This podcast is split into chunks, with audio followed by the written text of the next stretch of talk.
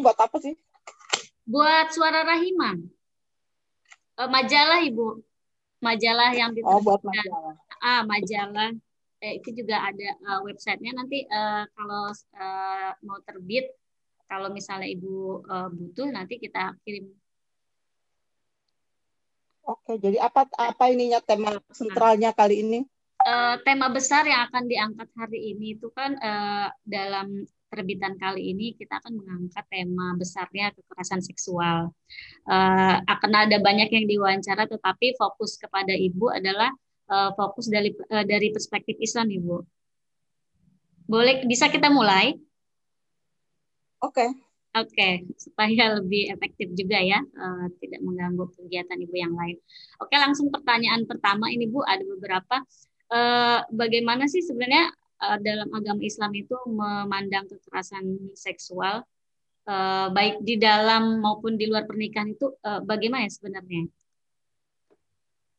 Ya, um, prinsip dasar di dalam Islam itu seperti yang kalian baca di dalam buku-buku saya itu saya tahun 2000 saya mulai menulis buku-buku tentang uh, gender dan seksualitas itu tahun 2000 ya tahun 2000 waktu itu saya memimpin sebuah proyek yang apa namanya yang menerbitkan enam buku sekaligus. Belum ada jadi Pak Ke Husain itu belum belum ada belum muncul waktu itu. Yang lain-lain juga belum muncul. Waktu itu saya di uh, Litbang Kementerian Agama jadi bekerja sama dengan Asia Foundation. Waktu itu pertama kali saya me, apa namanya me, apa mengarrange mengorganisasi sebuah kegiatan penerbitan penerbitan uh, gender dan Islam. Karena itu lembaga kajian agama dan gender yang saya dirikan tahun 98 itu sebetulnya mengawali ya semua kegiatan-kegiatan uh, apa namanya di di uh, di Indonesia ini.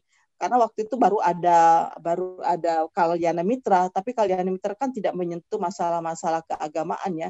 Dia hanya menyentuh masalah-masalah budaya dan masalah-masalah hukum karena itu saya bisa pastikan lembaga kajian agama dan gender yang didirikan tahun 98 itu merupakan pionir dari berbagai eh, kajian-kajian ke apa ke uh, kajian-kajian gender dan seksualitas dalam konteks Islam.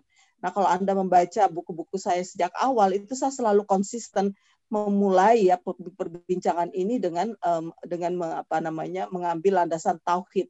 Karena apa? Karena bagi saya tauhid itu adalah sebuah ajaran yang mengajarkan kita manusia tentang kesetaraan. Karena tauhid itu mengajarkan semua manusia bahwa Tuhan itu cuma satu yang boleh dipertuhan itu hanya hanya Allah Subhanahu wa taala. Selain Allah apa pun ya karena itu la ilaha illallah ilah itu ya tidak ada Tuhan artinya itu Tuhan Tuhan Tuhan Tuhan palsu itu nggak ada ya Tuhan Tuhan yang bertuhan itu nggak ada kecuali Allah nah Tuhan Tuhan yang palsu itu bisa berarti bisa berbentuk bisa berbentuk uh, apa uh, apa uh, power kekuatan yang yang patriarkal gitu ya bisa berbentuk harta bisa berbentuk ideologi bahkan bisa berbentuk agama itu sendiri karena itu kalau kita betul-betul yakin ya dengan la ilaha illallah nggak ada nggak ada boleh nggak ada yang boleh kita kita pertuhankan itu kecuali kecuali apa namanya kecuali Allah itu sendiri pencipta kita. Nah kalau kamu betul-betul meyakini tauhid, kamu eh, ke, apa konsep tauhid itu akan membawa kita suka atau tidak suka kepada meyakini adanya persamaan karena hanya Tuhan kan yang boleh disembah. Selain Tuhan semuanya adalah makhluk.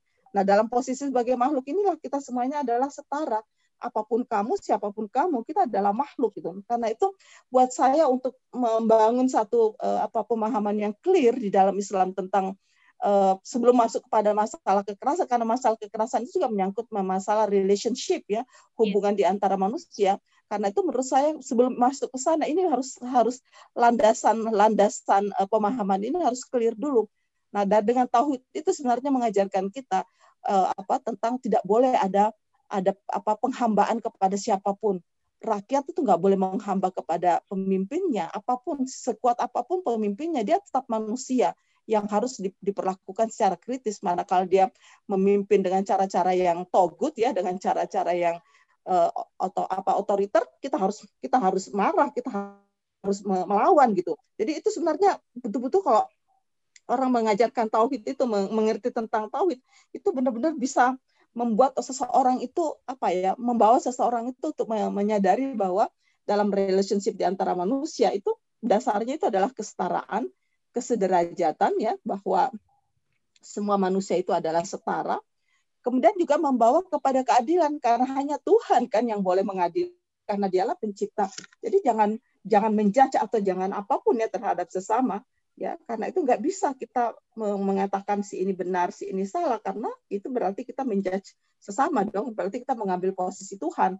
Nah yang ketiga eh, pemahaman tauhid itu juga membawa kita kepada eh, kebebasan manusia. Karena karena kita hanya menghamba kepada Tuhan kita bebas. Bahkan Tuhan itu sangat sangat apa ya sangat uh, demokratis. Kamu mau mau menyembah atau tidak menyembah terserah kamu. Kamu menjadi beriman atau tidak beriman terserah kamu. Coba manusia itu kan punya pilihan free will ya kebebasan memilih. Tapi ingat kalau kamu memilih yang jahat tentu ada resikonya. Kalau kamu memilih yang baik tentu ada wordnya begitu kan? Jadi benar-benar sebagai manusia kita tuh punya pilihan bebas. Anda mau sholat atau tidak sholat itu kan terserah. Nggak ada paksaan sama sekali. Jadi kapan Anda menjalankan sholat dengan terpaksa itu juga nggak ada manfaatnya loh buat diri Anda. Oke. Okay. Karena itu pastikan di dalam kita beragama itu semuanya kita lakukan dengan sepenuh kesadaran kemanusiaan kita. Nah ini yang penting dulu nih buat saya landasan landasan ini penting dulu. Nah pemahaman tauhid itu mengajarkan kita agar supaya mengajarkan kepada laki-laki, hai laki-laki, kamu nggak bisa ya memperlakukan perempuan itu semena-mena karena kamu tuh sesama sesama makhluk gitu, seda, setara dan sederajat.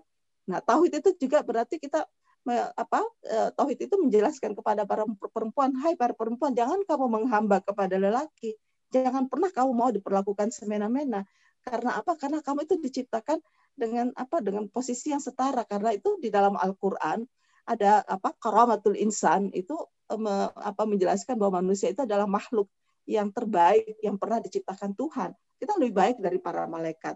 Karena apa? Karena kita memiliki akal. Malaikat tidak punya akal.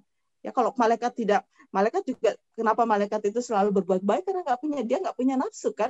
Jadi wajar aja gitu. Tetapi kalau ada manusia yang bisa berbuat baik itu luar biasa karena apa? Karena punya nafsu dia bisa me, bisa mengontrol ya bisa me, apa, mengendalikan hawa nafsunya ini kan sesuatu hal yang diapresiasi oleh Tuhan.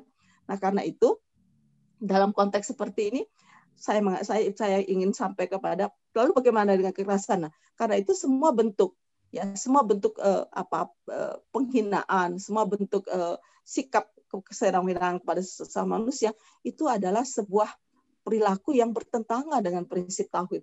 Dan tentu saja itu adalah bertentangan dengan ajaran agama yang sangat mendasar ya dalam di dalam Islam. Karena itu Islam mengajarkan kita untuk karena kita sesama manusia yang yang harusnya adalah wata'awanu ya alal ismi wal apa uh, uh, alal ismu apa wala tawanu alal ismi wal udwan tapi ber, ber, ber, ber apa bersaling ber apa ber eh, saling membantulah kalian ya dalam hal-hal kebaikan. Jadi jadi menurut saya semua ajaran-ajaran agama itu hanya hanyalah mengingatkan kita untuk bagaimana kita mengisi kehidupan ini menjadi apa menjadi sebuah kehidupan yang bermakna. Karena tidak Tuhan itu nggak pernah sia-sia menciptakan kamu apa pun kamu ya karena itu jadikanlah dirimu itu dengan seluruh ketakdir yang kamu miliki itu uh, sebagai sesuatu yang bermakna. Jadi memaksimalkan ya posisi kita sebagai manusia. Karena itu dalam dalam konteks uh, apa ke, kekerasan seksual ini itu adalah sebuah sebuah perilaku bukan hanya crime tetapi perilaku yang uh, melanggar ya, melanggar esensi agama yang seperti di seperti yang di yang di apa di uh, di apa di dibangun di dalam pemaknaan tauhid yang saya sebutkan di awal itu tadi. Ya, ber berarti uh, ketika kita bicara konteksnya kekerasan seksual sama dengan mencederai ketauhidan itu sendiri ya, Ibu ya? Ya, betul, betul. Berarti kamu uh, beragama itu ya cuma beragama saja karena bagi saya agama yang benar itu harus di, harus punya landasan. Landasannya itu tauhid. Begitu kamu mencederai relasi di antara sama manusia, kamu mencederai. Jadi dalam tauhid itu mengajarkan kita untuk meng, apa penghormatannya kepada kemanusiaan. Karena manusia itu adalah diciptakan dengan karamah, dengan dignity. Ya, dengan dignity, dengan harakat, dengan harkat martabat. Itulah sebabnya kita bukan menghargai bukan menghargai posisi dia, tapi kita menghargai martabat kemanusiaannya. Karena itu karena atas dasar inilah nggak boleh ada manusia siapa pun dia, apa pun dia yang boleh diperlakukan secara diskriminatif, yang boleh diperlakukan secara eksploitatif, yang boleh apa diperlakukan uh, dengan semena-mena dengan kekerasan apa pun bentuknya.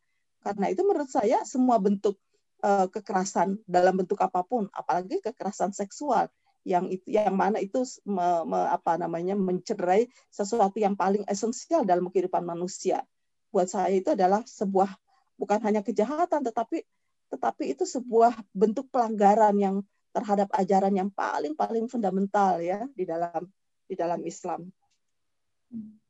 Iya, uh, uh, itu bicara konsep besarnya. Uh, kalau misalnya ibu tadi bicara konsep besarnya itu berlandas pada uh, ketauhidan, uh, artinya kita tidak perlu meragukan lagi bahwa uh, pandangan keislaman sudah clear tidak uh, menentang kekerasan seksual. Tetapi kalau misalnya kita tarik uh, ke fenomena ya Bu ya, bukan fenomena tetapi realitas yang terjadi di sekitar kita bahwa korban KS uh, itu kan selalu ada Nah, eh, bagaimana sih yang ibu lihat gitu eh, Islam memandang korban KS itu sendiri?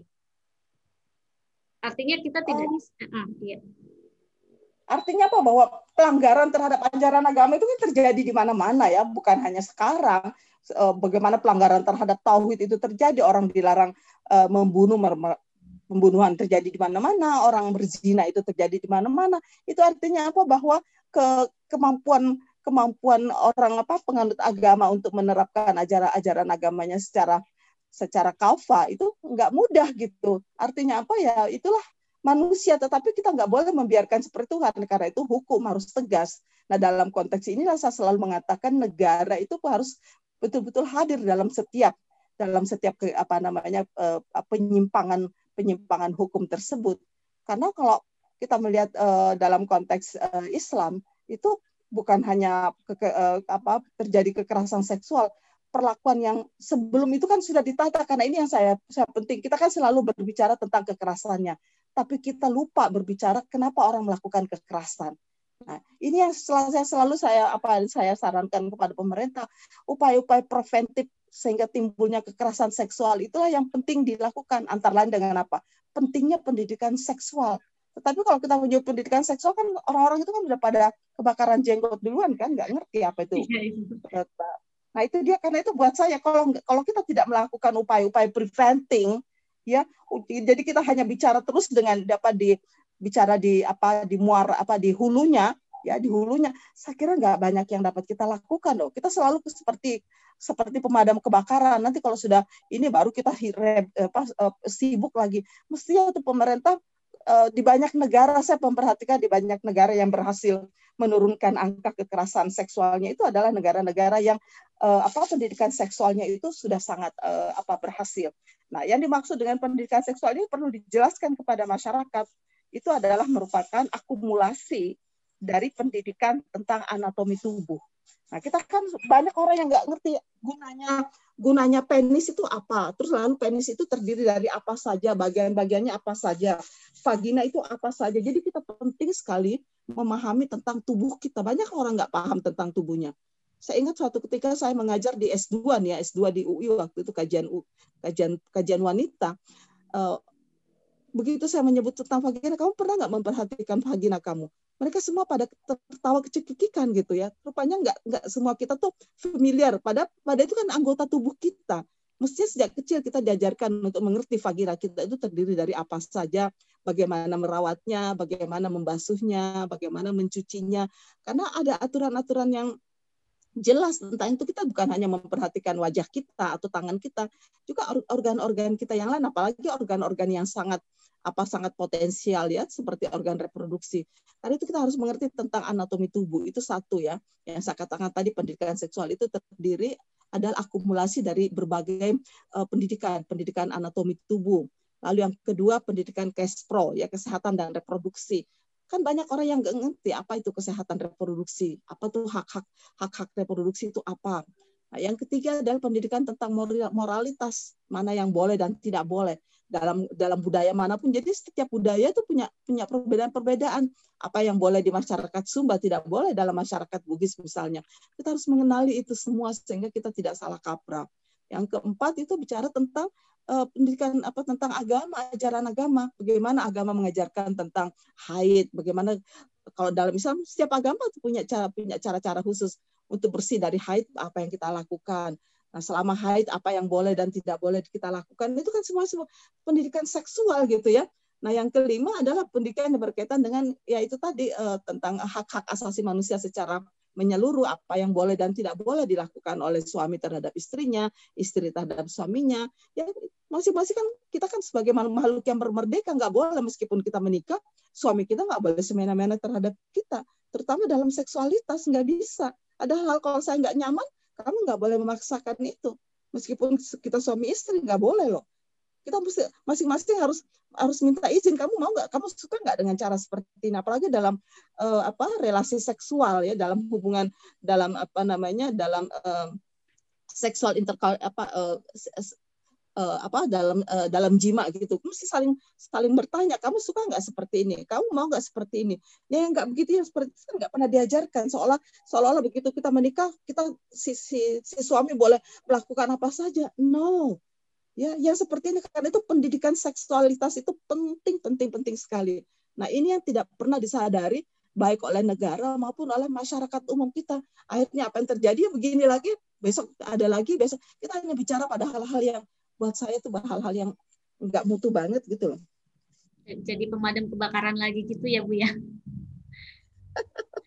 capek deh karena kadang-kadang saya tuh bersembunyi nggak mau nggak mau muncul-muncul gitu mbak rasanya kok buang-buang waktu ya Jadi, tahun ini kita bicara tahun depan itu lagi itu lagi saya tuh kadang-kadang ya saya sekarang lebih banyak bersembunyi aja daripada saya capek rasanya. Kok umur saya kok habis buat gitu aja ya? Iya iya iya. Ya tapi uh, bersembunyi ataupun tidak kan tetap saja uh, tetap banyak harus orang yang uh, di apa uh, ke, apa namanya keberadaan ibu. Harus harus banyak gitu loh. Kalau bisa direplikasi ya ada yang paling, yang lain. yang paling menyedihkan Iya, benar. Yang paling menyedihkan lagi nggak semua orang mau bicara seperti saya belak belakang gitu kan. Semuanya pada menjaga ya takut inilah, takut itulah. Kita yang yang pinter-pinter, yang dosen-dosen takut nggak naik pangkat lah. Ya memang ada resikonya gitu iya. loh. Tetapi berani nggak kalian mengambil resiko kan nggak semua orang berani seperti saya kan yang berani belak belakan gitu kan karena buat saya sih ya harus kita suka suka nggak suka ya tetap saya harus katakan ya bahwa itu adalah sebuah kebenaran persoalan kamu mau percaya atau tidak itu persoalan lain. Tetapi paling tidak saya sudah menyampaikan apa yang saya ketahui sebagai seorang scholar sebagai seorang sebagai seorang ilmuwan. Karena saya bukan bukan orang yang tidak membaca kan bukan orang yang tidak berpendidikan. Jadi menurut saya ya itulah tanggung jawab saya sebagai seorang ilmuwan. Saya harus menyampaikan kamu suka atau tidak suka ya terserah gitu. Bicaranya nah, masalah-masalah seperti Iya. Masalah-masalah seperti inilah yang tidak bisa selesai dalam masyarakat kita. Enggak ada upaya-upaya yang serius gitu ya. Bagaimana pemerintah juga melakukan hal-hal yang uh, serius. Misalnya kita sudah punya ini undang-undang KDRT. Nah sekarang gimana nih uh, upaya pendidikannya supaya masyarakat itu tidak melakukan KDRT? Perlu ada pendidikan gitu. Pendidikan itu nanti disampaikan uh, melalui ya di PAUD mulai diajarkan anak-anak tentang seksualitas, bagaimana orang saling menghargai di karena sejak kecil anak-anak itu perlu diajarkan tentang apa namanya tentang uh, seksualitas ini. Kenapa? Karena supaya dia bisa membedakan mana belayan cabul dan mana belayan kasih sayang sehingga ngerti gitu.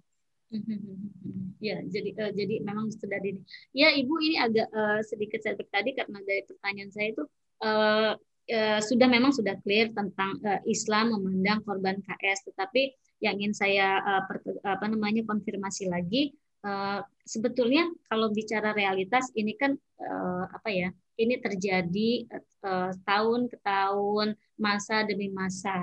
Nah sebetulnya ini di zaman Nabi pernah nggak sih ada kejadian uh, kekerasan seksual itu sendiri? Bukan hanya sekarang gitu.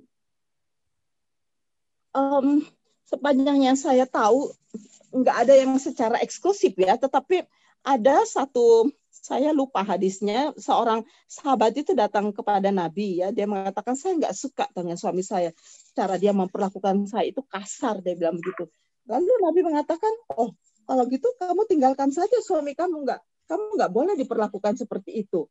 Nah, itu artinya apa? Bahwa Nabi itu nggak suka gitu bahwa, nah, tetapi juga e, sebetulnya ya kalau kita mempelajari Islam itu luar biasa loh, Mbak. Cuma nggak banyak disampaikan di masyarakat. Misalnya ada hadis itu yang bicara tentang bagaimana cara-cara, e, ini udah suami istri loh ya, wala yaqa'anna ahadukum imra'atahu kama taqaul bahima. Ini hadis riwayat Ahmad bin Hambal. Hmm. Jadi Nabi mengatakan wala taqaul ya eh, janganlah kalian para suami mendatangi istri kalian itu seperti seekor keledai. Saya juga nggak tahu kayak apa ya keledai ya. Jadi wala yaqa'anna ahadukum imra'atahu kama taqaul bahima wal yakun bainahuma rasulun. Jadi hendaklah kalian tidak bilang kata Rasul hendaklah eh, sebelum kalian itu uh, lakukanlah sesuatu yang Rasul itu artinya prolog ya prolog. Nah wakila mau Rasul. Ada seorang sahabat nyeletuk ya Rasul prolognya itu seperti apa? Lalu Nabi mengatakan al kublatu al kalam.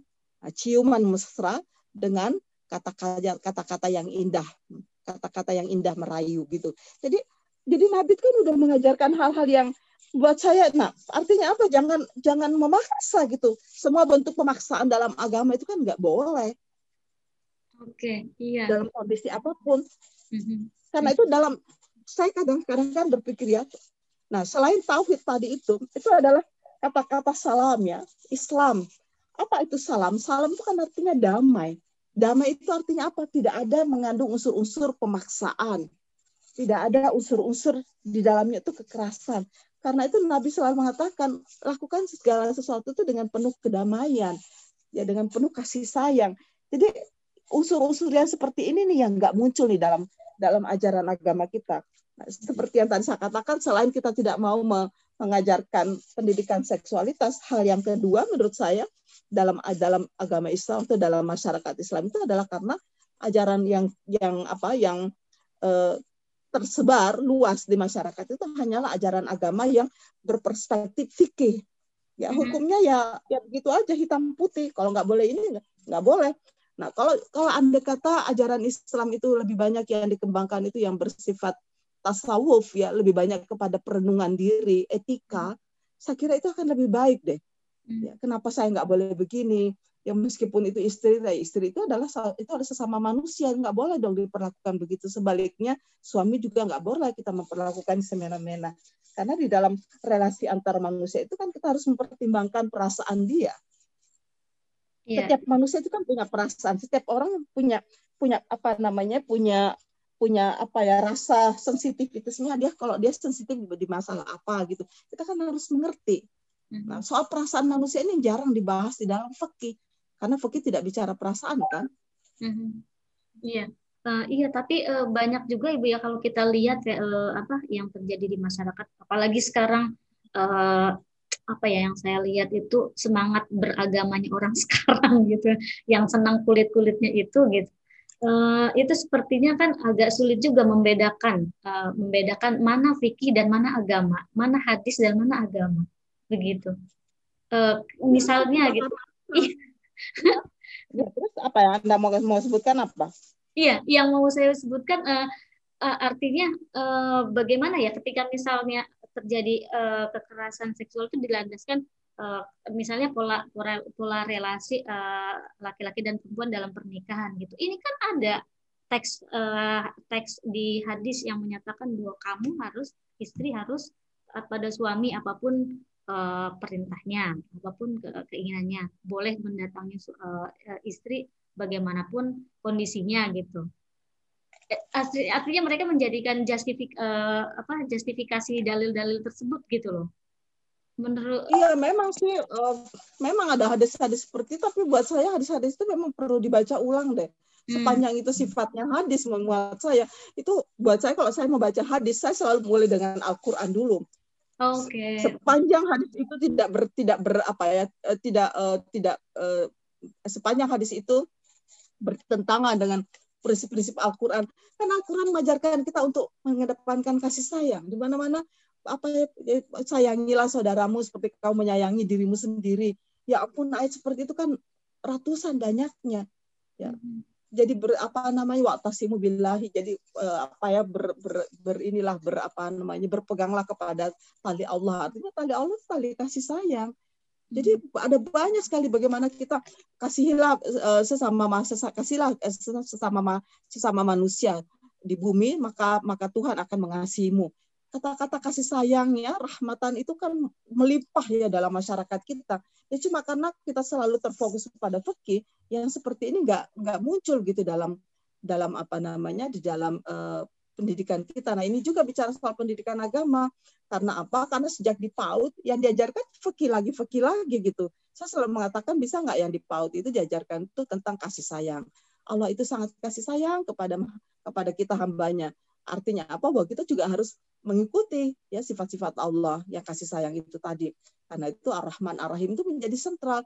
Kita kasih kita sayang kepada kedua orang tua kita, kepada kakak-kakak kita, kepada teman-teman sekolah kita, bahkan kepada binatang sekalipun kita juga harus sayang. Bagaimana uh, hadis-hadis tentang bagaimana Nabi me, apa, menegur Aisyah ketika Aisyah memecut apa namanya ontanya ya ketika uh, berjalan bersama-sama dia mengatakan ya Aisyah jangan kamu pecut itu ontamu karena dia juga merasakan sakit coba onta aja nggak boleh kan diperlakukan kasar kayak gitu yang seperti seperti ini nggak muncul gitu ya Yeah. Nah, bagaimana juga kita harus uh, kasih sayang itu juga harus kepada lingkungan, nggak boleh kita membiarkan lingkungan kita tereksploitasi. Okay. Nah, seperti seperti ini nggak muncul dalam ajaran kita. Mm -hmm. Kalau begitu ibu, yang harus uh, dikelirkan di sini karena kan uh, ketika kita melihat realitas yang sekarang gitu semangat uh, beragama orang masyarakat sekarang itu juga yang saya tangkap yang saya lihat itu semakin tinggi. Tetapi di sisi lain kekerasan seksual juga faktanya juga terus meninggi. Terus ini yang salah berarti orang memandang konsep besar Islam itukah yang kurang ataukah memang mereka tidak bisa apa namanya tidak bisa memilah uh, apa namanya prinsip besar dan mana yang fikih dan hadis yang uh, yang di mana uh, apa dalil, ya, itu sebagai juz'iyah gitu bagian bagian aja gitu. Ya, bukan begitu. Jadi uh, bukan mereka yang salah karena kita nggak pernah ngajarin ke mereka juga sih salahnya. Hmm. Kita kadang-kadang suka saya, saya juga kadang-kadang bisa me, dalam kisah suka me, me, menempatkan diri saya pada posisi mereka ya bagaimana mereka bisa memahami mana mana yang uh, juz'iyah, mana yang uh, far'iyah. Oh, dia nggak pernah diajari. Hmm. Oke, oke. Oke. Nggak, uh... ya, karena itu saya selalu, nah karena itu menjadi kata kunci sekarang itu adalah penguatan literasi agama. Dan saya meminta ini adalah tugas-tugas negara yang punya power, bukan tugas masyarakat sipil semata. Penguatan karena itu kita harus mendorong negara mendorong negara untuk menggunakan seluruh perangkat yang dimilikinya untuk memaksa bahwa pendidikan agama yang dikembangkan oleh negara adalah pendidikan agama yang kompatibel dengan nilai-nilai kemanusiaan. Ini yang penting nih Mbak disampaikan ke masyarakat kepada pemerintah. Oke, oke. Iya, iya. Iya. Uh, iya karena karena tidak sedikit ibu ketika misalnya uh, apa namanya terjadi di masyarakat itu banyak uh, di lingkungan saya saya pada khususnya itu tetangga-tetangga atau yang kolega-kolega uh, terdekat itu misalnya kita kita sodorkan ya ini ada hadisnya ini ada ini ada dalil-dalilnya gitu. Tapi kan uh, di sisi lain ada juga nih mbak hadis yang lain yang mengatakan begini gitu. Ketika iya, kita sodorkan jadi hadis yang di uh, ada misalnya zada arajulun imra'atahu ila firashi. Jika seorang suami mengajak istrinya ke, ke apa ke, ke pembaringan fa'abat lalu dia menolak laknat hal malaika hatta tusbiha. Itu hadis itu nggak benar bertentangan dengan Al-Qur'an. Jadi kita sampaikan aja kepada mereka bahwa yang kalau sudah sampai pada level hadis itu nggak bisa kita langsung terima kita mesti cek dulu apakah hadis itu bertentangan dengan Al-Quran? Nah, tidak semua juga hadis yang diriwayatkan oleh Bukhari Muslim seperti yang selama ini diajarkan di pesantren bahwa itu hadis yang sahih dan harus diterima secara mutlak. No, ya karena Bukhari Muslim itu dan uh, imam-imam hadis yang lain itu hanya melakukan verifikasi di, di tingkat sanad, tidak melakukan verifikasi di tingkat matan. That's the problem. Karena itu mari kita apa ya, begitu hadis jangan dulu percaya hadis apa itu dulu. Ya, kita mesti mesti yakinkan bahwa hadis itu tidak bertentangan dengan uh, apa dengan prinsip-prinsip dasar dalam Al-Qur'an karena panduan kita adalah adalah yang utama adalah Al-Qur'an. Hadis ketika hadis itu benar-benar sesuai dengan Al-Qur'an. Iya, termasuk uh, ini ya, apa pendapat-pendapat ulama ya, ulama fikih iya. gitu. Apa apalagi Wah, itu sih kalau pendapat ulama lebih lebih lagi di bawah lagi dong levelnya. Iya, iya, iya, iya. Oke. Okay.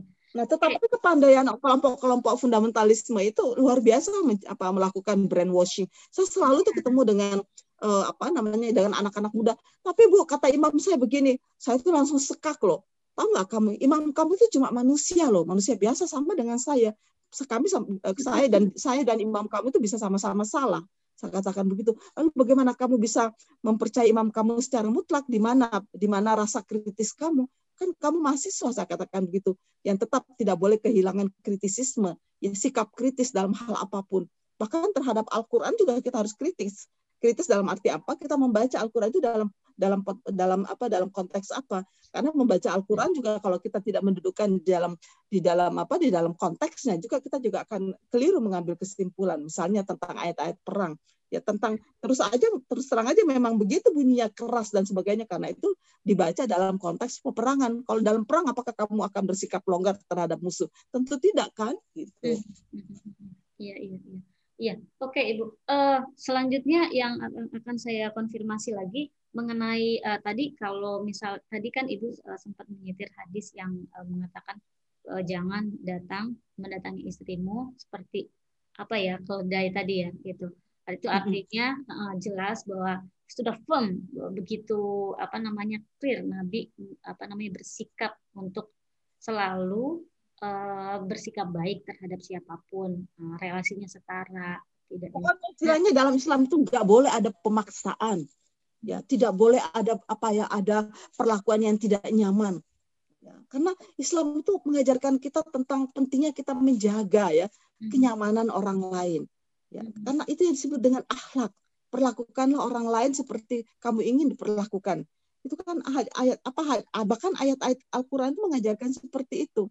Hmm. Jadi eh, apa ya kalau saya membaca di dalam Al-Qur'an bagaimana sikap Rahman, sikap Rahim itu itu betul-betul harus mendasari semua relationship ya dalam bentuk apa pun. Terutama dalam hubungan apalagi kalau dalam hubungan suami istri bagaimana Anda membaca tentang misalkan goliza yang prinsip dalam perkawinan itu karena itu menurut saya kalau membaca soal uh, apa namanya kekerasan seksual kenapa itu bertentangan dengan ajaran Islam bertentangan dengan prinsip misalkan walida apa itu misalkan galiza komitmen kemanusiaan hmm. ya misalkan galiza itu dalam Al-Qur'an itu hanya ada dua pada pada ayat yang bicara tentang hubungan antara Allah dengan para walinya itu kan hubungan yang dibalut dengan rasa percaya dan apa ya dengan uh, komitmen penuh ya bahwa para wali itu tidak akan pernah mendur mendurhakai Allah Subhanahu wa taala. Hmm. Nah, yang kedua, bagaimana Anda membaca mawaddah warahmah? Sakinah mawaddah warahmah itu luar biasa kan maknanya itu. Bahwa yeah. tidak boleh ada jangankan fisik, secara psikis aja kita nggak boleh merasa terganggu. Bayangkan ya. Jadi yang dimaksud dengan sakinah itu adalah kondisi psikologis di mana kita betul-betul merasa damai, nyaman. Karena itu kalau ada hubungan yang mengganggu rasa sakinah, ini adalah sebuah hubungan yang bertentangan dengan prinsip ajaran Islam. Hmm. Nah, yang ketiga apa? Muasyarah bil ma'ruf. Kan kalimat itu benar-benar menohok ya. Muasyarah itu artinya apa? Perlakukanlah ya, ya eh, pasanganmu itu bil ma'ruf dengan cara-cara yang sopan. Ma'ruf itu pengertiannya itu dalam sekali. Karena itu nggak boleh kata-kata kata-kata ufin saja, kata-kata ah saja itu nggak boleh ya. Meskipun itu hanya dikatakan itu nggak boleh kepada orang tua, tapi juga itu berlaku kepada pasangan ya nggak boleh kita dari segi kata-kata pun juga kita nggak boleh mengucapkan kata-kata yang tidak nyaman karena itu kekerasan verbal itu sudah sudah dilarang ya di dalam Al-Qur'an ya. Hmm. Nah, muasyarah bil ma'ruf itu itu adalah dua-duanya kesalingan yang seperti mubadalah itu karena bukan itu hanya bisa terbangun kalau dua-duanya. Kata-kata muasyarah itu kan menunjukkan keduanya ya dua-duanya harus memperlakukan. Nggak bisa hanya sepihak. Nah, yang keempat itu kan uh, apalagi saat empat itu musawa. Coba mana ada coba di dalam saya tuh membaca berbagai kitab suci ya. Hanya ada di dalam Al-Qur'an kalimat hunna libasulakum wa antum libasulahunna. Coba itu kan dalam sekali maknanya. Bahwa mereka istrimu itu adalah pakaian untuk kamu. Nah, pakaian kenapa kenapa Al-Qur'an memberikan atau menggunakan uh, apa namanya? Uh, istilah libasun atau sebagai apa ya sebagai bentuk uh, apa ilu apa apa ilus apa sebagai ilustrasi ya karena itu dijawab oleh sosiologis karena pakaian itu mempunyai dua fungsi pertama untuk proteksi yang kedua untuk uh, menjaga apa kepercayaan diri untuk untuk apa konfidensi. Nah, karena itu istri itu membuat kita menjadi percaya diri, membuat kita menjadi uh, apa ya terproteksi. Sebaliknya demikian. Jadi uh, tetapi di masyarakat kita kan seolah-olah suami itu melindungi. Lo memangnya dia algojo apa ya? Tidak. Karena saya berpikir laki-laki itu sama dengan perempuan kita punya kelemahan kita juga punya keunggulan. Masing-masing kita punya keunggulan karena setiap manusia itu unik diciptakan Tuhan. Nggak ada manusia yang cuma lemas lemah aja. Nggak ada manusia yang hanya kuat saja nggak. Pasti dia punya kelemahan. Karena itu mari kita meng mengapresiasi keunikan setiap orang. Karena setiap orang itu punya punya kelebihan dan punya kekurangan. Nggak ada orang yang punya kelebihan saja. Karena itu eh, sikap uh, musawa ya prinsip musawa ini harus betul-betul ya di dimainkan gitu. Artinya di, di, diimplementasikan. Karena kalau musyawarah ini buat saya bukan hanya dalam relasi biasa tapi juga dalam relasi seksual dua-duanya bisa gitu. Iya. nah yang kelima itu kan adalah prinsip uh, musyawarah. Ya. Wa amruhum syura bainahum. Jadi mereka tuh yang dimaksud dengan wa amruhum syura tuh kita mengkomunikasikan. Jadi yang saya maksud dengan syura di sini uh, kalau orang mengartikannya itu musyawarah, kalau dalam hubungan keluarga itu adalah komunikasi yang intens, yang akrab dan hangat. Nah, itu kan salah satu faktor kebahagiaan kalau di dalam psikologis. Karena itu penting sekali bagaimana hubungan yang yang setara, yang yang apa eh, komunikasi yang akrab, hangat dan intens itu hanya bisa dibangun manakala ya relasi itu setara. Kalau nggak setara nggak mungkin. Karena itu kalau saya melihat berbagai penelitian di Barat, salah satu faktor yang membuat kebahagiaan, yang mewujudkan kebahagiaan dalam rumah tangga adalah adanya relasi ya yang adil dan setara di antara suami istri. Nah itu itu sebenarnya merupakan salah satu faktor kebahagiaan yang banyak orang nggak paham gitu. Karena itu bukan soal harta, bukan soal apa kebahagiaan itu muncul dari kesetaraan di mana kita bisa bisa bisa apa ya bisa curhat satu sama lain, bisa berkomunikasi dengan hangat, dengan akrab dan intens ini kan satu hal yang membuat saya itu hal yang paling inti loh di dalam uh, relasi uh, suami istri. Tetapi sayangnya yang seperti ini tuh hampir nggak pernah diajarkan ya kepada masyarakat kita. Jadi kasihan gitu. Saya kadang-kadang menyebut begini, Islam itu adalah agama yang luar biasa, mengandung uh, butir-butir uh, apa ya, butir-butir etika yang luhur sekali. Nah, sayangnya yang ini semua ini yang butir-butir luhur dalam bentuk akhlak mulia ini, butir-butir etika ini nggak pernah disampaikan kepada makhluknya kepada apa? Bukan makhluknya kepada pengikutnya. Jadi kasihan orang-orang Islam tuh beragamanya tuh gersang banget. Yang dia tahu itu cuma urusan fakih aja gitu. Ijab kabul lalu ijab kabul ya soal apa namanya wajib uh, apa melayani suami. Lo ini apa apaan sih gitu? Nah intinya itu dalam dalam apa? Dalam beragama ini yang tidak tidak apa ya tidak tidak banyak diungkapkan. Karena itu saya berharap mari kita mengungkap ya keindahan Islam, mutiara-mutiara Islam yang terpendam ya dan terpendam dalam kitab suci yang masyarakat muslimnya sendiri nggak paham-paham gitu. Jadi yeah. saya kadang-kadang berpikir kasihan ya umat Islam itu beragamnya itu gersang banget gitu loh. Iya, Ibu terkait ungkap mengungkap gitu kan, saya juga sangat uh, tadi uh, apa mes juga dengan hadis yang uh, Ibu sampaikan tadi. Wah, ya Allah bagus sekali gitu. Nah, uh, sebetulnya ada nggak sih yang belum diungkap uh, apakah Nabi gitu, Nabi pernah memberikan pemulihan uh, terhadap korban KS? Ada nggak sih jejak-jejak informasi seperti itu ini kan kalau misalnya ada benar-benar sesuatu yang harus ya harus diungkap juga gitu. Sangat penting gitu diketahui banyak orang. Kalau saya membaca ya perkawinan ya perkawinan Nabi dengan Zainab. Mm-hmm. dengan Zainab bin Jahas yang yang yang merupakan istrinya anaknya ya Zaid ya yang yang Nabi lalu mengawini anak uh, apa menantu uh, menantu dari uh, anak angkatnya sendiri yang menimbulkan kehebohan gitu kan. Yeah, nah, yeah. sebetulnya kan um, sebetulnya kan Zainab itu kan uh, apa ya me mengeluh kepada Nabi bahwa si Zaid itu orangnya itu apa ya kasar terus apa ya kurang pokoknya uh, mungkin saya pernah membaca satu satu riwayat itu bau badannya nggak enak apa begitu. Nah Nabi ini juga merasa apa ya merasa iba gitu ya kepada Zainab dan juga sekaligus juga untuk mematahkan uh, hub, apa namanya hukum jahiliyah waktu itu yang orang nggak boleh kawin dengan anak angkatnya atau kawin dengan istri anak angkatnya itu kan hukum jahiliyah. Nabi kan ingin mengubah hukum itu. Nah sebetulnya Nabi kan melakukan pemulihan ya kepada apa ya kepada uh, Zainab bahwa kamu ya seharusnya kamu tuh nggak nggak mengalami hal-hal seperti itu. Ya akhirnya kan si dia Nabi mengawini dia dan dia memperlakukan Zainab itu dengan seperti pada perlakuannya pada istri-istrinya yang lain.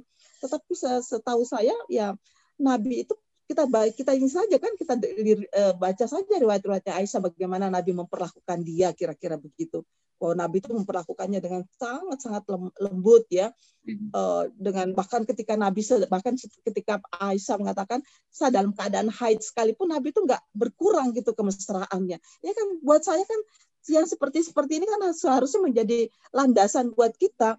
Bahwa dalam kondisi orang mengatakan oh ya kan masyarakat jahiliyah menganggap kalau perempuan itu haid kan dia kan perempuan kotor yang harus dijauhkan yang iya, harus di apa namanya dijauhi. Nah, tetapi Nabi kan melakukan upaya recovery. Oh tidak, nggak ada masalah meskipun kamu haid, kamu boleh bahkan Nabi makan bersama, mandi bersama, ya.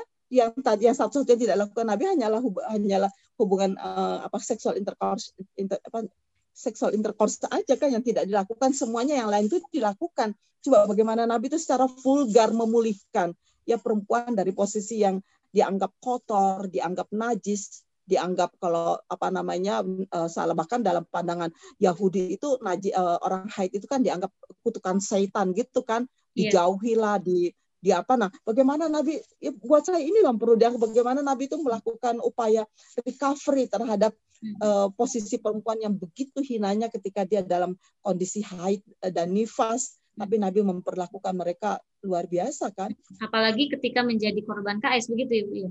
Dalam hal dalam hal apa namanya haid saja uh, perhatian Nabi sudah seperti itu gitu. Gitu ya. Bu. Itu dia.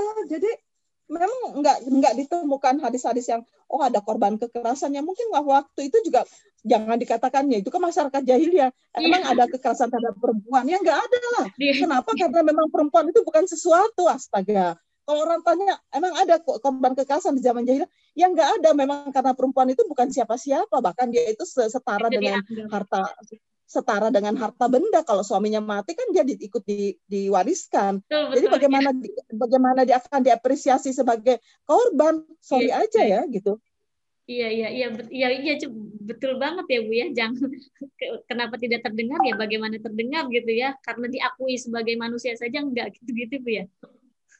Wah. Kalau dia suaminya mati menjadi bagian yang diwariskan kan komoditas. Iya betul. Nah, bagaimana komoditas mau dia, dia katakan dia korban lo nggak ada yang dia komoditas mau diperlakukan apa saja ya memang begitu kan? Karena itu kita iya. nggak nggak orang mengatakan ah tolong berikan saya satu korban yang Nabi melakukan kamu gila ya sahabat di zaman itu manusia perempuan itu belum siap belum belum siapa siapa gitu Nabi sementara belah berusaha melakukan recovery recovery terhadap uh, status manusia status manusia perempuan yang waktu itu dianggap sebagai barang lalu Nabi menganggapnya sebagai manusia. Nah itu manusia yang bermartabat itu kan sebuah upaya yang buat saya tuh sebuah upaya kemanusiaan yang luar biasa. Karena itu di dalam memahami ajaran Islam hal-hal seperti ini yang harus fundamental ini yang harus clear dulu karena kalau enggak ya kita balik lagi bicara soal fikih yang nggak ada habisnya itu. Oke. Okay. Oke, okay, Ibu, uh, ya, yang selanjutnya ini masih ada beberapa yang uh, saya tanyakan. Uh, halo, Ibu, masih dengar suara saya? Uh-uh. Oke. Okay. Iya. Uh, yang selanjutnya, uh, bagaimana Islam memandang pelaku kekerasan seksual itu sendiri? Uh, jika termas, uh, jika itu dilakukan oleh anggota keluarga terdekat, ayah, kakek, paman atau yang selainnya, itu bagaimana ya terhadap pelaku pelaku KS? Iya, um, memang kalau dalam perbincangan fikih ya uh, hukum hukuman kadang-kadang saya berpikir hukuman terhadap pelaku pelaku zina itu kan dirajam ya dirajam mestinya dirajam. Nah tetapi bila itu terjadi ke terjadi incest itu kan tidak banyak dibicarakan di dalam di dalam apa namanya di dalam fikih saya kadang-kadang berpikir kok tidak adil banget ya Iya. Tidak ada tuh saya dapatkan dalam buku-buku fikih bagaimana orang harus merajam seorang ayah, bagaimana orang seharusnya merajam seorang uh, kakek misalnya tetap kan biasanya kan terjadi itu eh dikawinkan saja bagaimana yang muncul kan uh, wacana tentang mengawinkan orang kalau, yang hamil tambah ini ya trauma ya menimbulkan trauma trauma dong kalau begitu iya jadi saya melihat fakih itu agak tidak adil ya dalam pembicaraan seperti ini. Karena kalau bicara tentang uh, perzinahan itu kan jelas harus ada hukum rajam. Hukum rajamnya kan uh, kalau misalnya yang yang melakukan perzinahan itu seorang apa namanya seorang yang sudah punya sudah menikah itu kan beda dengan uh, kalau gadis kan itu ada dua kalau musana gairu musana begitu kan yang yang ada itu serinci banget gitu tapi kalau incest itu kok malah nggak nggak ada muncul gitu. Nah bagi saya kalau incest itu mestinya dua kali dari uh, apa namanya pelaku pelaku zina yang bukan hubungan keluarga kan ini kan seharusnya kamu melindungi kok kamu melakukannya gitu. Kalau saya seharusnya itu dua kali hukumannya ya. Ya, ya malah malah apa lebih apa namanya seharusnya mereka melindungi malah menjadi pelaku begitu ya? Iya, harus makanya itu hukumannya harusnya lebih berat. Tapi itu nggak banyak dibicarakan dalam fikih. Karena itu menurut saya ya kita harus membangun fikih sendiri yang betul-betul memberikan uh, apa ya, memberikan punishment yang lebih kuat sehingga membuat. Uh, tapi juga saya nggak setuju dengan kebiri ya. Iya. Karena, karena kebiri itu juga nggak menyelesaikan masalah.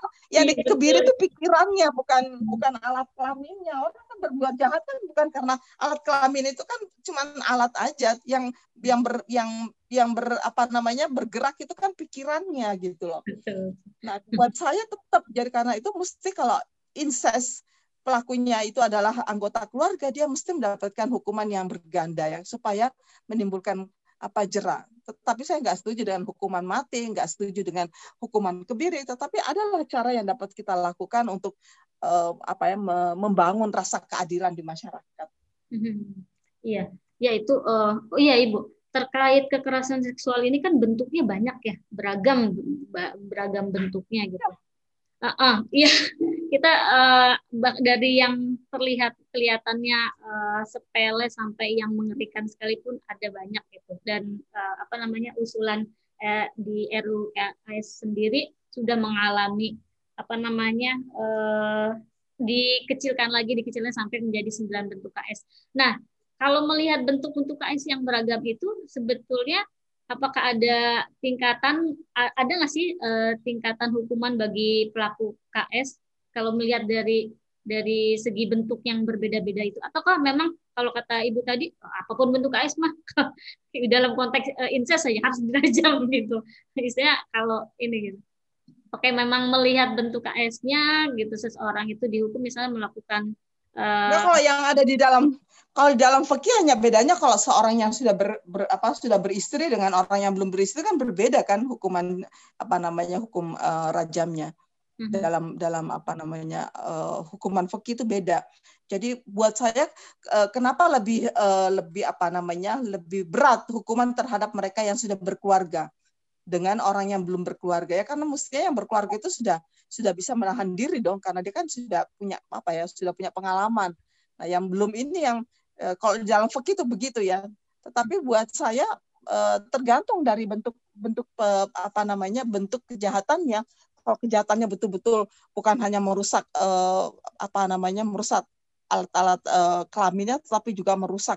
Jadi buat saya mungkin ini bisa di, di apa ya diserahkan kepada ahli-ahli kriminologi ya separah mana kekerasan yang atau kejahatan yang ditimbulkan atau disebab apa yang ditimbulkan oleh perlakuan itu. Hmm, jadi jadi secara rinci sih nggak ada, hmm, nggak ada dalam Al-Quran nggak ada. Cuma itu tadi antara orang yang sudah berkeluarga dan yang belum berkeluarga atau yang yang masih berkeluarga itu yang sudah pernah menikah dan tidak pernah menikah itu ada perbedaan.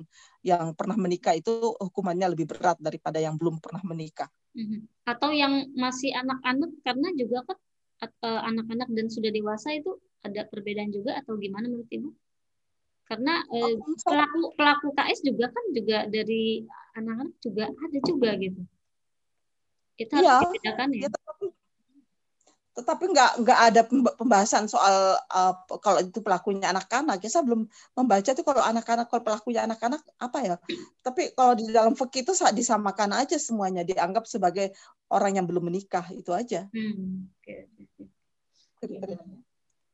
Ya, kalau kalau karena kalau kalau misalnya oh, ini kalau saya lihat konteksnya sekarang ibu gitu karena eh, kayak misalnya perkosaan, pelecehan seksual dan dan sebagainya itu kan tidak memandang uh, siapa pelakunya gitu, bisa dari mana aja gitu. Bahkan temuan-temuan dari uh, KPI sendiri juga banyak pelaku itu juga dari anak-anak gitu. itu yang di uh, apa namanya uh, disayangkan makanya uh, kemarin dari teman-teman kenapa harus uh, ada peng, apa pasal kebiri itu soal kebiri bagaimana kalau misalnya itu terjadi pada anak-anak gitu yang masih di bawah apa di bawah uh, usia-usia 19 tahun. Oh, jika korbannya korbannya terhadap anak-anak atau iya. pelakunya iya, yang dikebiri pelaku. pelakunya anak-anak. Pelakunya anak-anak.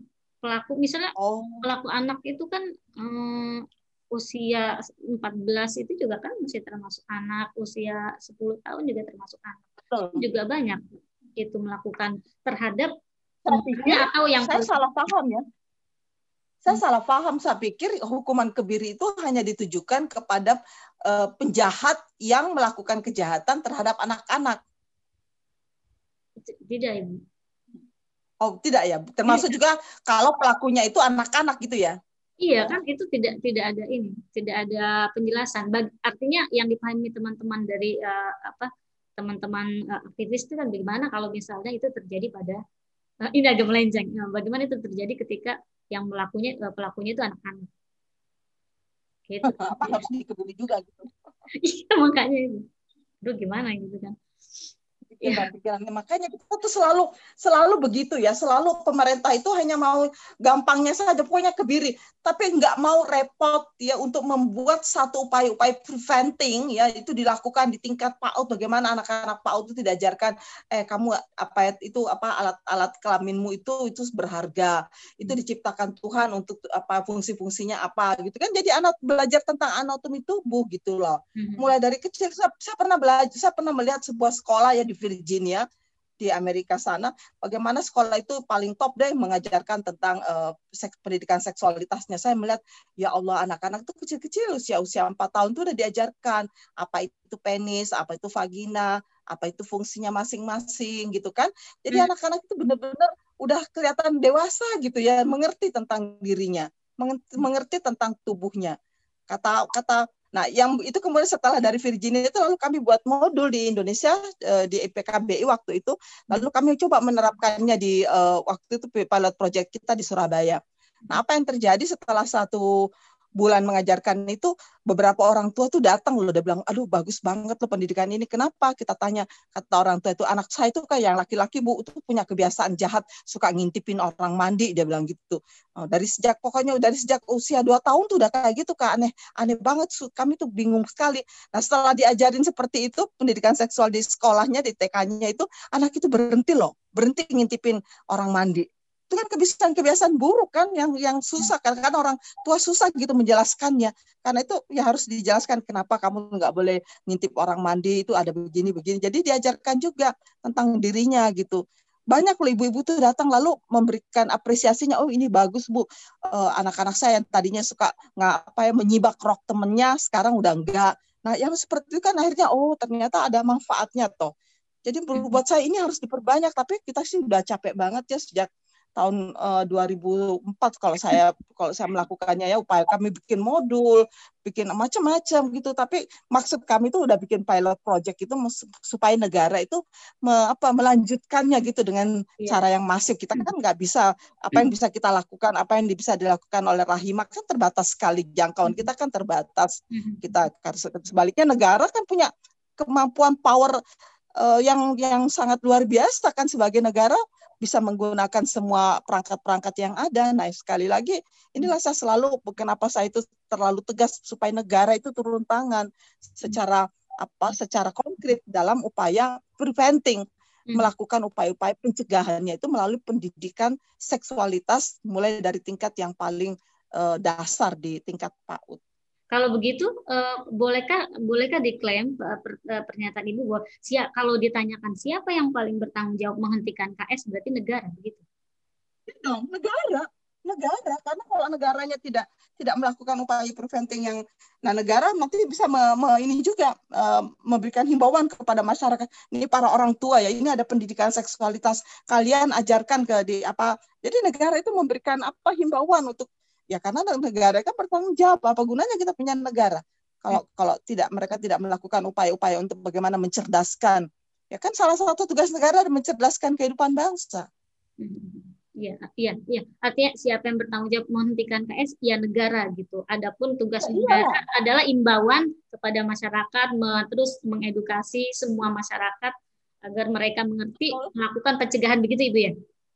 Betul ya. Betul. Okay. Buat saya harus mulai dari negara nggak bisa kita hanya berharap pada masyarakat sipil karena mereka nggak punya power. Mm-hmm. Oke oke. Termasuk salah satunya dengan perwujudan adanya uh, undang-undang KS itu kan Bu? Undang-undang KS ya perlu segera di, di apa namanya di uh, diimplementasikan bukan hanya di di apa namanya disahkan tapi juga diimplementasikan sampai ke tingkat uh, level grassroots ya karena saya selalu berharap bahwa seperti undang-undang KDRT sampai sekarang masih banyak di tingkat bawah yang oh ada tuh undang-undangnya ampun deh Ih, banyak yang nggak tahu ya sosial berarti itu sosialisasinya mandek entah di mana gitu. Ya. Kemarin saya menguji di UI aja, menguji UI dokter, dokter UI. Eh, terus ada ada dosen, oh memang sudah ada toh itunya lah. Itu dosen loh yang bertanya kayak gitu. Padahal itu udah bertahun-tahun uh, yang lalu gitu sampai mual gitu. Jadi bukan hanya di bukan hanya disahkan tapi juga diimplementasikan di tingkat uh, grassroots sampai ke tingkat grassroots itu maksud saya. Iya, Ibu. Tapi kalau bicara pun uh, eh, RU Pungkas nih, apa uh, eh, RU penghentian kekerasan seksual ini, Bu. Uh, sekarang ini kan kemarin sempat nggak masuk uh, apa prolegnas prioritas dan alhamdulillah sekarang 2021 ini sudah masuk katanya begitu gitu. Nah, terus dinamikanya juga wah luar biasa uh, apa namanya dinamika itu sangat bertentangan apa ya di, di, di akar rumput terutama saya nggak tahu ini siapa yang memainkan siapa apa yang memainkan apa gitu tetapi dinamikanya di bawah itu luar biasa pertentangannya gitu baik yang pro maupun yang ke ke kontra gitu uh, itu ini bagaimana ya kalau ibu melihat ini gitu harusnya semua itu harus dibaca harus dibaca sebagai menguatnya menguatnya pandangan fundamentalisme di Indonesia. Mestinya dibaca seperti itu jelas gitu. Menguatnya pandangan konservatisme, menguatnya pandangan fundamentalisme agama, terutama Islam di Indonesia. Itu jelas sekali kesimpulannya seperti itu karena kelompok fundamentalisme inilah yang yang mengajarkan tentang apa bahwa ya seksualitas itu hanya milik laki-laki, perempuan nggak nggak perlu gitu, karena perempuan itu hanyalah objek pandangannya kan seperti itu kan jelas dari dulu. Karena itu saya pikir kenapa ya kok pemerintah tidak me, tidak mewaspadai gejala ini? Mesti pemerintah langsung langsung melihat, loh kenapa ada uh, pro kontra yang begitu uh, sengit ya kelompok-kelompok yang kontra ini siapa gitu? Mestinya kan dipolakan seperti itu. Tetapi buat saya political will pemerintah untuk membangun masyarakat yang demokratis itu masih sekedar basa-basi loh, benar. Saya itu berani mengatakan seperti itu. Kenapa bisa eh, bisa seperti itu, Bu? Padahal ya karena dia tidak mestinya kan dia punya semacam sinyal ya bahwa ini harus dilakukan. Ini, begitu kita bicara tentang demokrasi, maka pilarnya itu adalah hak asasi manusia. Hmm. Tetapi kalau bicara negara kan juga uh, dalam skup yang misalnya ada uh, di legislatif, eksekutif, uh, uh, itu ya, juga ada. Tetapi ada, mestinya negara, mestinya negara secara secara uh, secara uh, apa? Secara uh, secara global gitu. Artinya secara secara global itu melihat kan ah, dalam negara sendiri mesti melihat oh di dalam negara sendiri kok ada ya seperti ini. Anggota-anggota DPR kita kok seperti ini jadi mestinya mestinya ngeh gitu loh. Si presiden itu kan mestinya ngeh oh ini ada sesuatu gitu yang yang terjadi mm -hmm. di dalam di dalam negara itu sendiri. Dan ini sangat berbahaya karena itu sudah ada di level negara. Kalau dulu waktu bicara tentang apa namanya undang-undang Eh, penolakan terhadap Undang-Undang uh, eh, 74 kan tahun tahun 74 itu Undang-Undang perkawinan juga nah itu uh, apa reaksi yang paling yang paling uh, ketat itu kan malah muncul dari uh, masyarakat bukan dari pemerintah kan Iya. Seharusnya seharusnya para penyelenggara negara itu aware gitu dengan kondisi ini. Tetapi itu kok tidak, saya nggak tahu ya. Uh, mudah-mudahan saja mereka itu aware tetapi tidak mampu melakukan apa-apa karena eh, kekuatan fundamentalisme itu sudah begitu uh, menyeruak sampai ke level grassroots ya. Kenyataannya uh, pandangan fundamentalisme itu kalau bicara itu bukan hanya di kalangan grassroots ibu, di kalangan apa stakeholder uh, apa namanya pelaksana pengambil keputusan, pengambil kebijakan juga kan juga ya buktinya ya, juga banyak gitu gitu yang Iya karena sudah terlalu lama dibiarkan itu loh oh, masalahnya. Oh, okay. Sudah terlalu lama apalagi zamannya SBY 10 tahun itu kan mereka betul-betul dibiarkan ya. Bahkan di, dimanfaatkan untuk kepentingan-kepentingan uh, kepentingan-kepentingan sepihaknya pemerintah.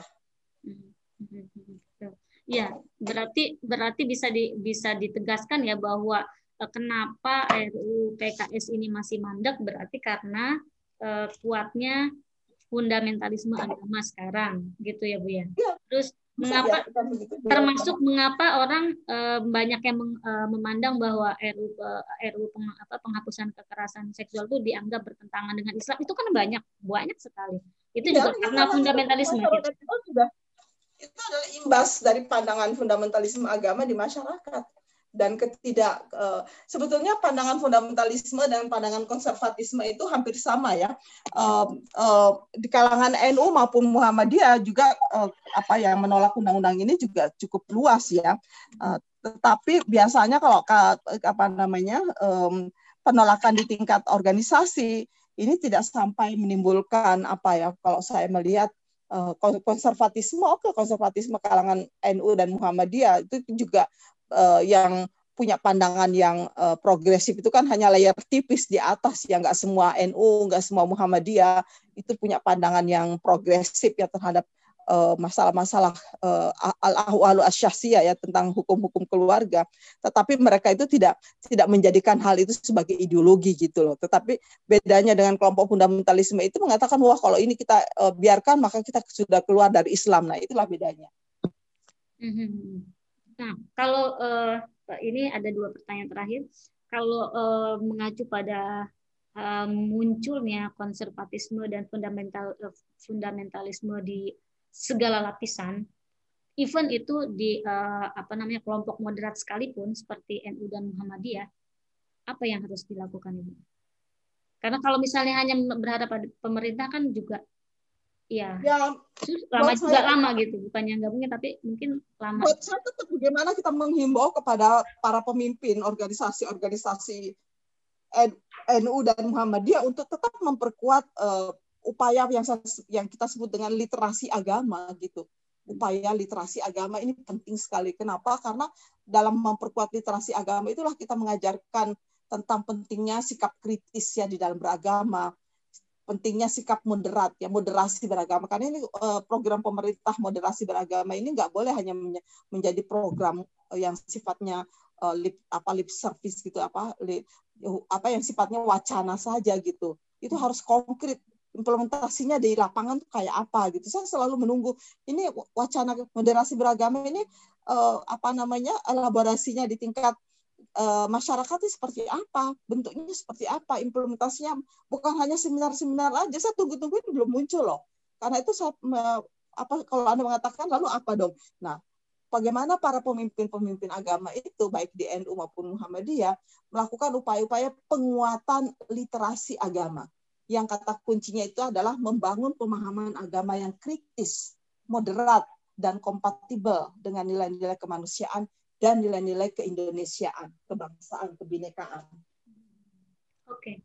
Oke, kalau gitu uh, sangat clear di sini. Tapi uh, yang ingin saya uh, mungkin yang ingin saya uh, satu lagi pertegas lagi mungkin dari uh, closing statement aja Ibu ini karena yang saya sudah tangkap bahwa uh, dari semua persoalan KS ini adalah uh, dari hulunya harus jelas uh, apa namanya konsep ketauhidannya, kemudian bagaimana kita menjalankan uh, kehidupan itu sesuai nilai-nilai keislaman yang benar gitu, dan juga perlu negara bertindak, uh, kemudian terakhir uh, perlu uh, upaya pemuka-pemuka agama, kemudian apa organisasi keagamaan yang moderat itu uh, punya upaya literasi agama yang baik begitu ibu ya? Iya. Uh -uh. Iya, uh, nah kalau misal dari dari apa yang sudah kita perbincangkan dari awal tadi, uh, adakah uh, closing, statement yang sekiranya ini menjadi apa namanya uh, lead gitu atau titik tekan dari apa yang kita pembahasan KS ini, Bu? Ya saya ingin menekankan bahwa Islam adalah agama yang dibangun dengan apa? Dengan prinsip yang sangat kuat penghargaan terhadap kemanusiaan ya. Karena karena Islam mengajarkan manusia itu diciptakan dengan karama, karamatul insan, dengan harkat dan markabat. Ya, Islam mengajarkan kita untuk tidak memperlakukan manusia semena-mena karena manusia adalah ciptaan Tuhan yang terbaik. Karena itu semua bentuk upaya ya yang merendahkan kemanusiaan ya terutama dalam bentuk eh, apa kejahatan seksual itu adalah sesuatu yang bertentangan dengan esensi ajaran Islam. Karena itu sepatutnya sebagai eh, bangsa yang mayoritas beragama Islam kita malu ya jika kasus-kasus kekerasan seksual ini terjadi dan terjadi dan jumlahnya dan jumlah kasus semakin banyak. Itu menunjukkan bahwa kita adalah umat Islam yang sungguh tidak mampu mengimplementasikan ajaran Islam yang luhur, ya, yang penuh dengan kasih sayang dalam kehidupan bermasyarakat, berbangsa dan bernegara. Oke Ibu, terima kasih banyak, uh, sangat clear sekali uh, apa yang sudah disampaikan. Insya Allah nanti uh, setelah ini selesai, saya akan kirimkan linknya ke Ibu. Oke. Okay. Uh, terima kasih Bu ya. Sama-sama. Senang Sama banget bisa mendapatkan insight pagi ini yang luar biasa. Ternyata iya, ya, iya, iya, ya, ternyata uh, apa ini bukan barang baru, bukan pemikiran baru, cuman banyak yang uh, tidak tidak tersampaikan hingga hari ini bisa jadi atau sudah disampaikan tetapi entah mandeknya di mana bisa jadi begitu. Terima kasih sekali yeah. sudah memberikan apa namanya uh, informasi yang sangat uh, dibutuhkan ini untuk masyarakat. Iya. Iya, uh, oke okay, saya